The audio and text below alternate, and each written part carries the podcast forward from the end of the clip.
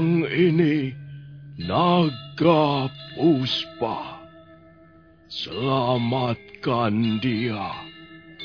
Jangan sampai jatuh ke tangan pendekar berwatak jahat.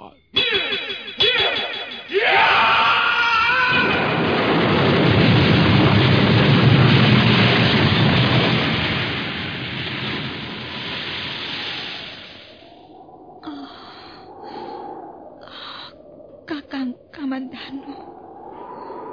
Kau... Kau masih juga tidak percaya bahwa aku... Aku mencintaimu. Mesin. Maafkan aku, Mesin. Mesin.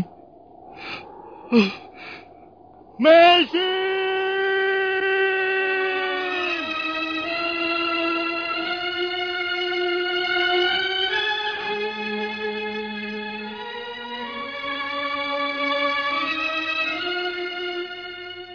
Tutur Tinula.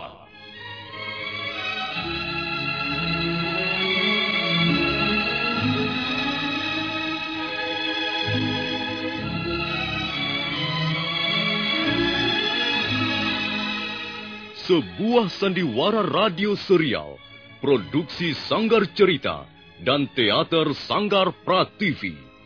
Sebuah kisah dengan latar belakang sejarah runtuhnya Singasari dan berdirinya kerajaan Majapahit.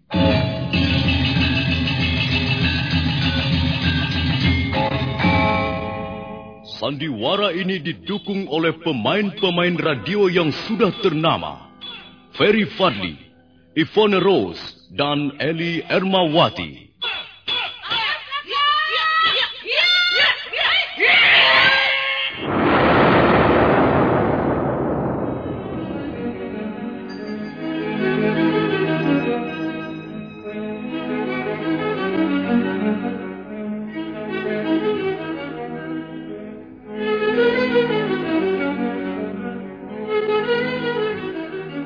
Cerita ini ditulis dan disusun oleh S. Tijab.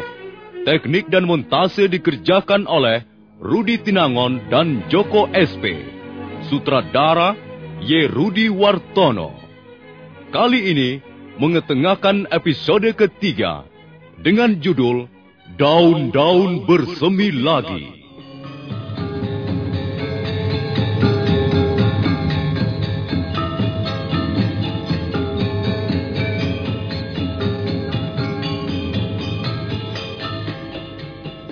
Dalam seri yang ke-62 ini didukung oleh para pemain Lukman Tambose sebagai Empu Tong Bajil, Surya Tanjung sebagai Jaran Lejong, Margaret sebagai Dewi Sambi, Ivone Rose sebagai Sakawuni, Haryoko sebagai Empu Renteng, Idris Afandi sebagai Macan Kombang, M. Pratomo sebagai Kebo Kluyur, Narto sebagai Adisara, dan pembawa cerita Nusri.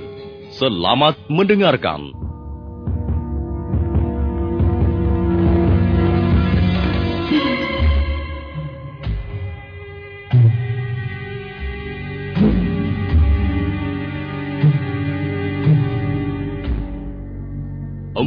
Bajil memberikan dua persyaratan pokok kepada gadis aneh yang bertingkah laku seenaknya yang sekarang masih berdiri di tengah pelataran Candi Surabada dengan tenangnya.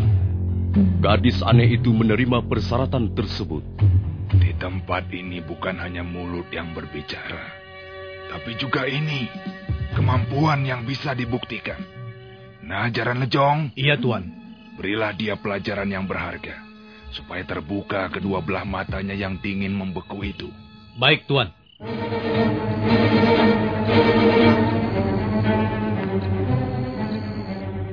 Apa kau sudah siap? Hah? Perempuan liar? Ada apa, Kakang Jaran Lonjong? Hush! Jangan kurang ajar kamu. Jaran lejong, bukan jaran lonjong. Ayo, berdiri. Mengapa kau malah duduk seenakmu begitu? Hah? Berdiri kataku. Ah, lebih enak duduk di sini. Kalau ada yang ingin kau lakukan, lakukanlah. Aku sudah siap kok. Awas. Kalau sampai tendanganku mampir ke kepalamu, jangan kau menyesal. Wah, hebat sekali seranganmu, Kakang Jaran Lonjong. Hah? Aku rasanya sampai tidak sempat untuk bernafas. Eh, namaku Jaran Lejong, bukan Jaran Lonjong. Tapi aku lebih senang memanggilmu Jaran Lonjong.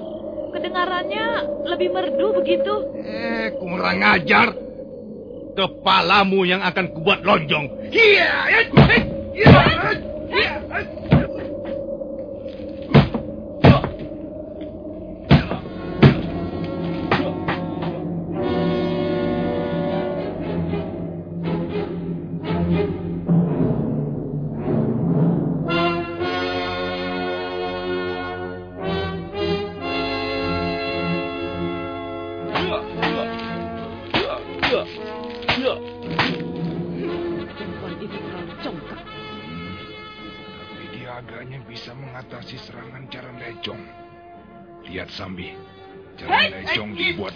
satan dan serangannya selalu kandas di jalan.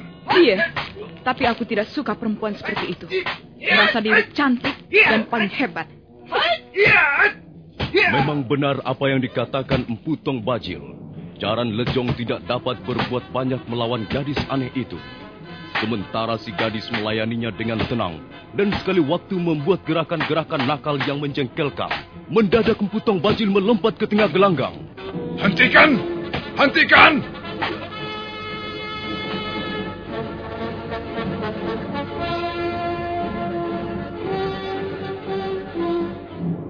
Minggirlah, Jaran Lejong. Aku tidak sabar melihat tontonan yang lamban dan tidak menarik. Biar aku yang menguji gadis liar itu. Sabar, Kakang Bajil. Gadis liar itu harus diberi pelajaran yang akan membuat tingkah lakunya menjadi sopan. Saya kira persoalan ini cukup sepele. Kakang Bajil tidak perlu turun tangan. Hadi Renteng, Ya, aku harus menjaga kewibawaan pertemuan penting ini. Gadis itu sudah berani datang tanpa diundang. Dan sekarang dia berani mempermainkan jaran lejong di depan pendekar-pendekar lain. justru demi menjaga kewibawaan itu, Kakang. Maka janganlah Kakang Bajil turun tangan dan melayani gadis liar yang masih bau kencur itu. Percayalah padaku, Kakang. Serahkan saja soal ini padaku. Hmm, baiklah, baiklah. Lalu apa yang akan kau lakukan? Kita beri kesempatan pada para pendekar untuk menguji kemampuan gadis ini, Kakang. Hmm, hmm, hmm. Iya. Hmm, agaknya usulmu cukup bagus. Baik, laksanakan. Aku mau lihat hasilnya.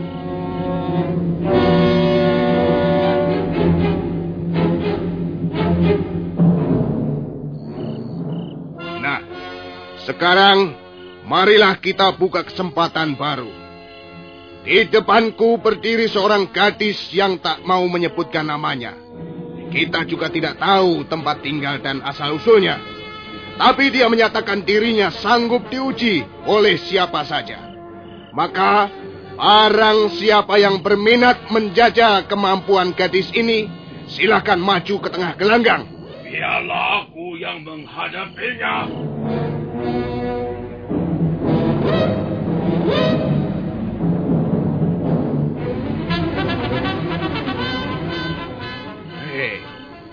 Kau kelihatan sangat bernafsu, Macan Kombang. Terserah apa yang akan kau katakan. Pokoknya aku tidak ingin kedatanganku di Candi Sorabana ini sia-sia. Hah? Aku tidak mau kembali ke lereng Bromo dengan tangan hampa. Tekad yang bagus. Iya. nah, sekarang kau harus bekerja keras kalau ingin memperoleh hasil yang memuaskan. Sudahlah. Minggirlah renteng. Biar ku labrak gadis liar itu. Tunggu, tunggu. Ada aturan main yang harus ditaati. Kau boleh menggebrak sesuka hatimu. Tapi jangan lebih dari 20 jurus. Aku hanya membutuhkan dua atau tiga jurus untuk membuatnya jungkir balik. Cepat minggir, minggirlah. Hmm, baiklah. Apa kau sudah siap, anak manis? Aku sudah lama tidak berburu macan. Konon kabarnya macan Gunung Bromo terkenal jinak. Hmm, gadis Edian. Kupatahkan tulang-tulangmu, ku koyak-koyak daging kulitmu. Hmm,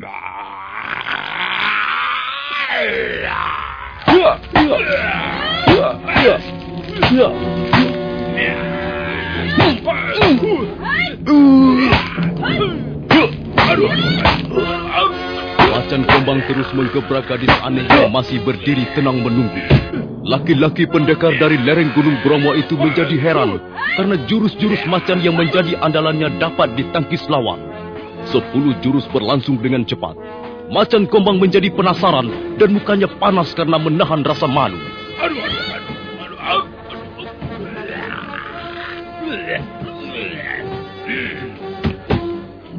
Ya, cukup.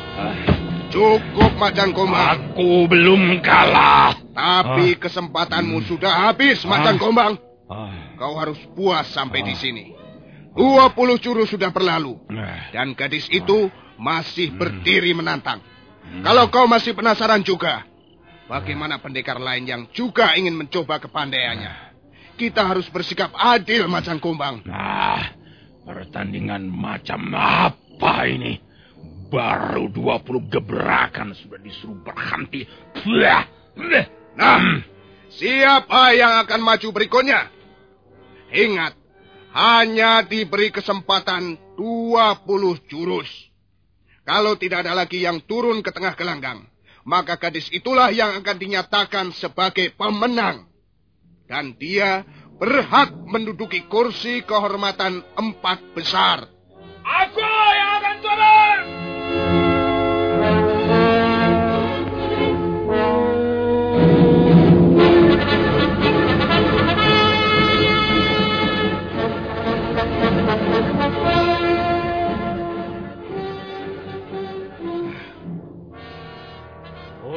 Kursi empat besar terlalu berharga untuk seorang gadis yang masih bau kencur. Aku tidak rela melepaskannya. kau tidak rela? Kebukluyur? Hah?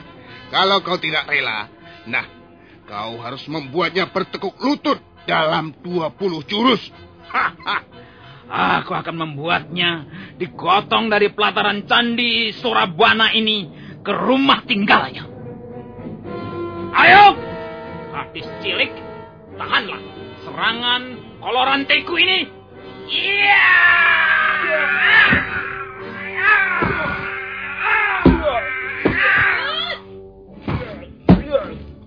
Iya! Senjata telah rantai menggesing berputar-putar di udara menimbulkan suara yang seram. Kebo Kluyur sama sekali tak memberi kesempatan gadis aneh itu untuk melompat menghindari serangan. Dia terus memburu dengan senjata andalannya. Tapi sama halnya dengan macan kombang, dia pun menjadi heran sendiri. Serangan-serangannya selalu patah di jalan, sementara gadis aneh itu masih lincah dan beringas. Kakinya berlompatan lincah ke kiri atau ke kanan dan kadangkala jungkir balik di udara seperti seekor lutung bercanda dengan teman-temannya. Iya!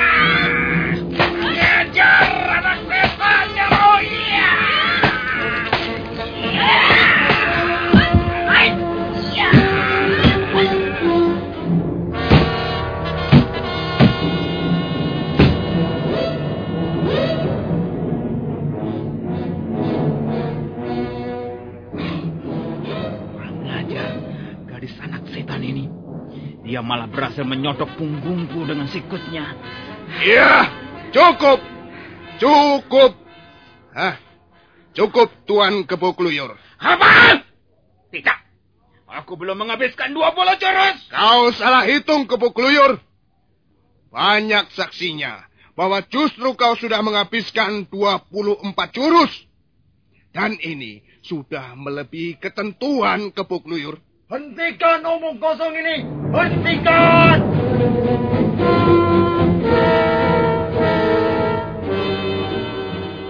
Hei, kau Adisara, pendekar dari Sila Bunga? Tidak ada perlunya cekcok skala rupa. Kalau paman gebuk luyur dianggap pecundang, biarlah aku yang akan meremas ulu hati gadis liar itu. Hei, Jadi kau yang akan maju sekarang, Adisara. Jangan berdiri di situ. Serahkan anak setan itu ke tanganku. Hei! Hei! Hei!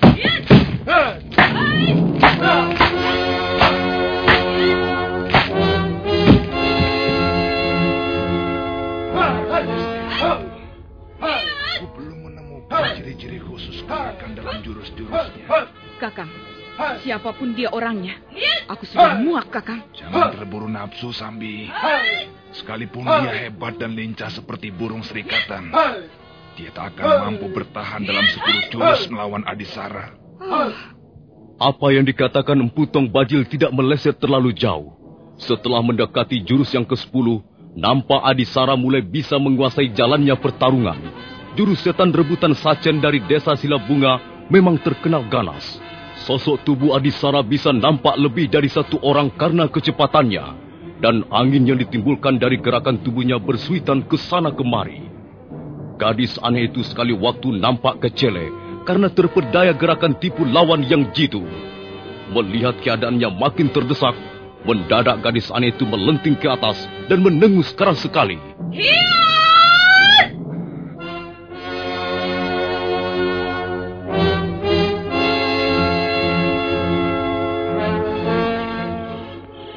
Hayo bocah gendang. Sekarang kau tidak bisa main-main lagi. Adisara ingin merungkusmu. Kalau kau melawan, maka tangan-tanganmu akan kupatahkan satu persatu. Dan kau akan menyesal seumur hidupmu. Hah! Aku tidak pernah menyesali apa yang telah kulakukan. Mari kita lihat apakah benar keyakinanmu itu.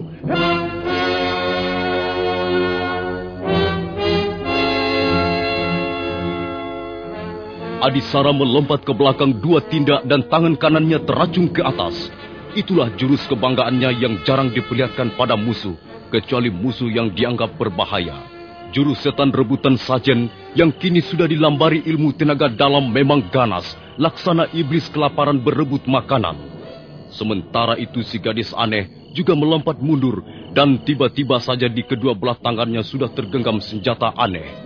Senjata itu menyerupai sapu lidi yang bisa dikembang kempiskan seperti kipas.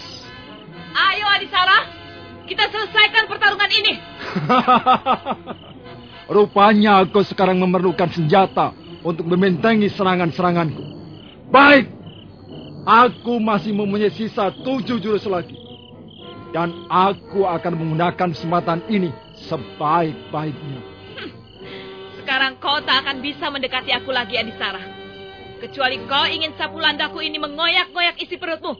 Hei!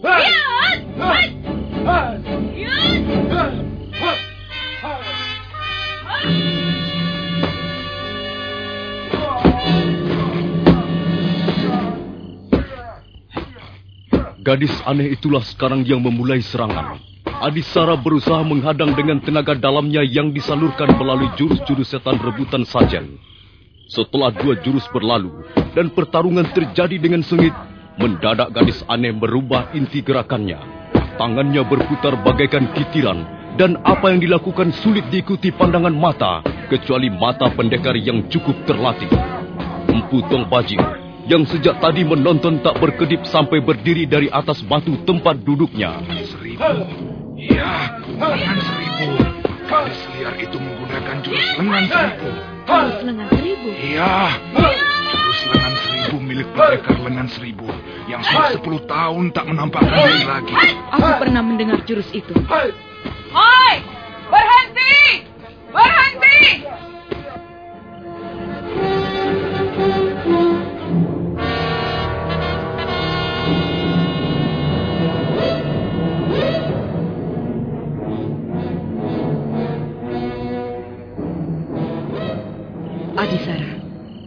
Kembalilah ke tempat dudukmu. Biar aku yang menghadapi gadis congkak ini. Mengapa aku harus kembali ke tempat dudukku? Aku belum kalah. Aku sanggup mengalahkan gadis sinting itu. Tak ada yang mengatakan bahwa kau kalah. Dan aku percaya, kalau pertarungan diteruskan, kau akan bisa keluar sebagai pemenangnya. Tapi aku sengaja turun ke tengah gelanggang, sekedar ingin mencoba kemampuan gadis sombong ini. Akan ku hajar dia, biar lenyap kesombongannya.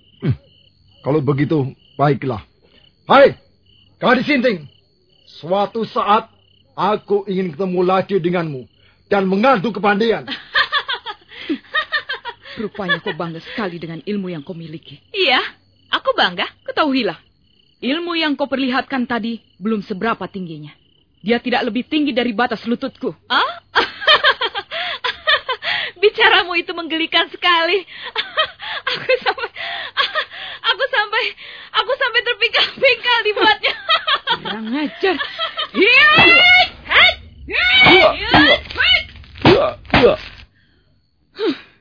Kau menggunakan jurus apa tadi? Menurut Kakang Bajel, kau baru saja memperlihatkan jurus lengan seribu. Ah, tidak. Lenganku hanya dua potong, bukan seribu. Lihat saja sendiri, hanya dua potong. Kau perempuan paling sombong dan paling menyebalkan yang pernah ku kenal. Oh, apa kau kira penampilanmu cukup menarik? Hmm? Di mataku kau tak lebih dari seorang wanita yang mengerikan. Matamu seperti mata ular, mulutmu seperti goa siluman, dan bicaramu seperti kuda betina haus kejantanan. Kurang ajar! Kubunuh kau! Hai, hai, hai. Tunggu. Tunggu, Sambi. Jangan ikut campur, Renteng. Bukannya aku mau ikut campur. Tapi rasanya kurang pantas kalau Dewi Sambi marah-marah di depan perawan bau kencur. Dia memang hebat. Dia bisa menahan serangan macan kombang, kebo keluyur, dan bahkan Adisara. Tapi bukan berarti dia sudah memenangkan pertarungan ini. Eh, tapi perjanjiannya memang begitu, Sambi. Dia sekarang berhak ikut pertandingan. Dan bahkan berhak menduduki kursi empat besar. Apa? Dia berhak menduduki kursi empat besar? Itu tidak akan terjadi. Kecuali dia bisa mengalahkan aku. oh, wah, jangan ngawur begitu, Sambi. Kita berkumpul di sini untuk mencari teman, bukan musuh. Aku tidak butuh teman gadis tidak waras begitu. Sudahlah, Renteng. Jangan berdiri di situ.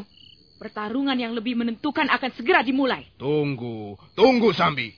Jangan sembrono. Apa yang akan kau lakukan terhadap gadis kencur ini, ha? Dia sudah berani menghina aku. Maka sekarang dia akan menanggung akibatnya. Aku akan menggilas tubuhnya yang montok itu dengan telapak wisa.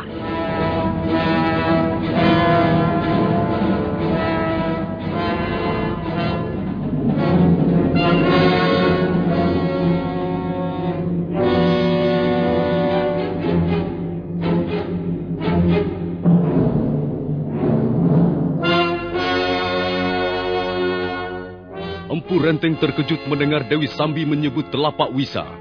Aji itu memang sangat mengerikan. Kalau sampai terkena pukulan telapak wisa, tubuh seseorang bisa hangus terbakar sampai ke sumsumnya. Aji itu mengandung racun yang ganas sekali.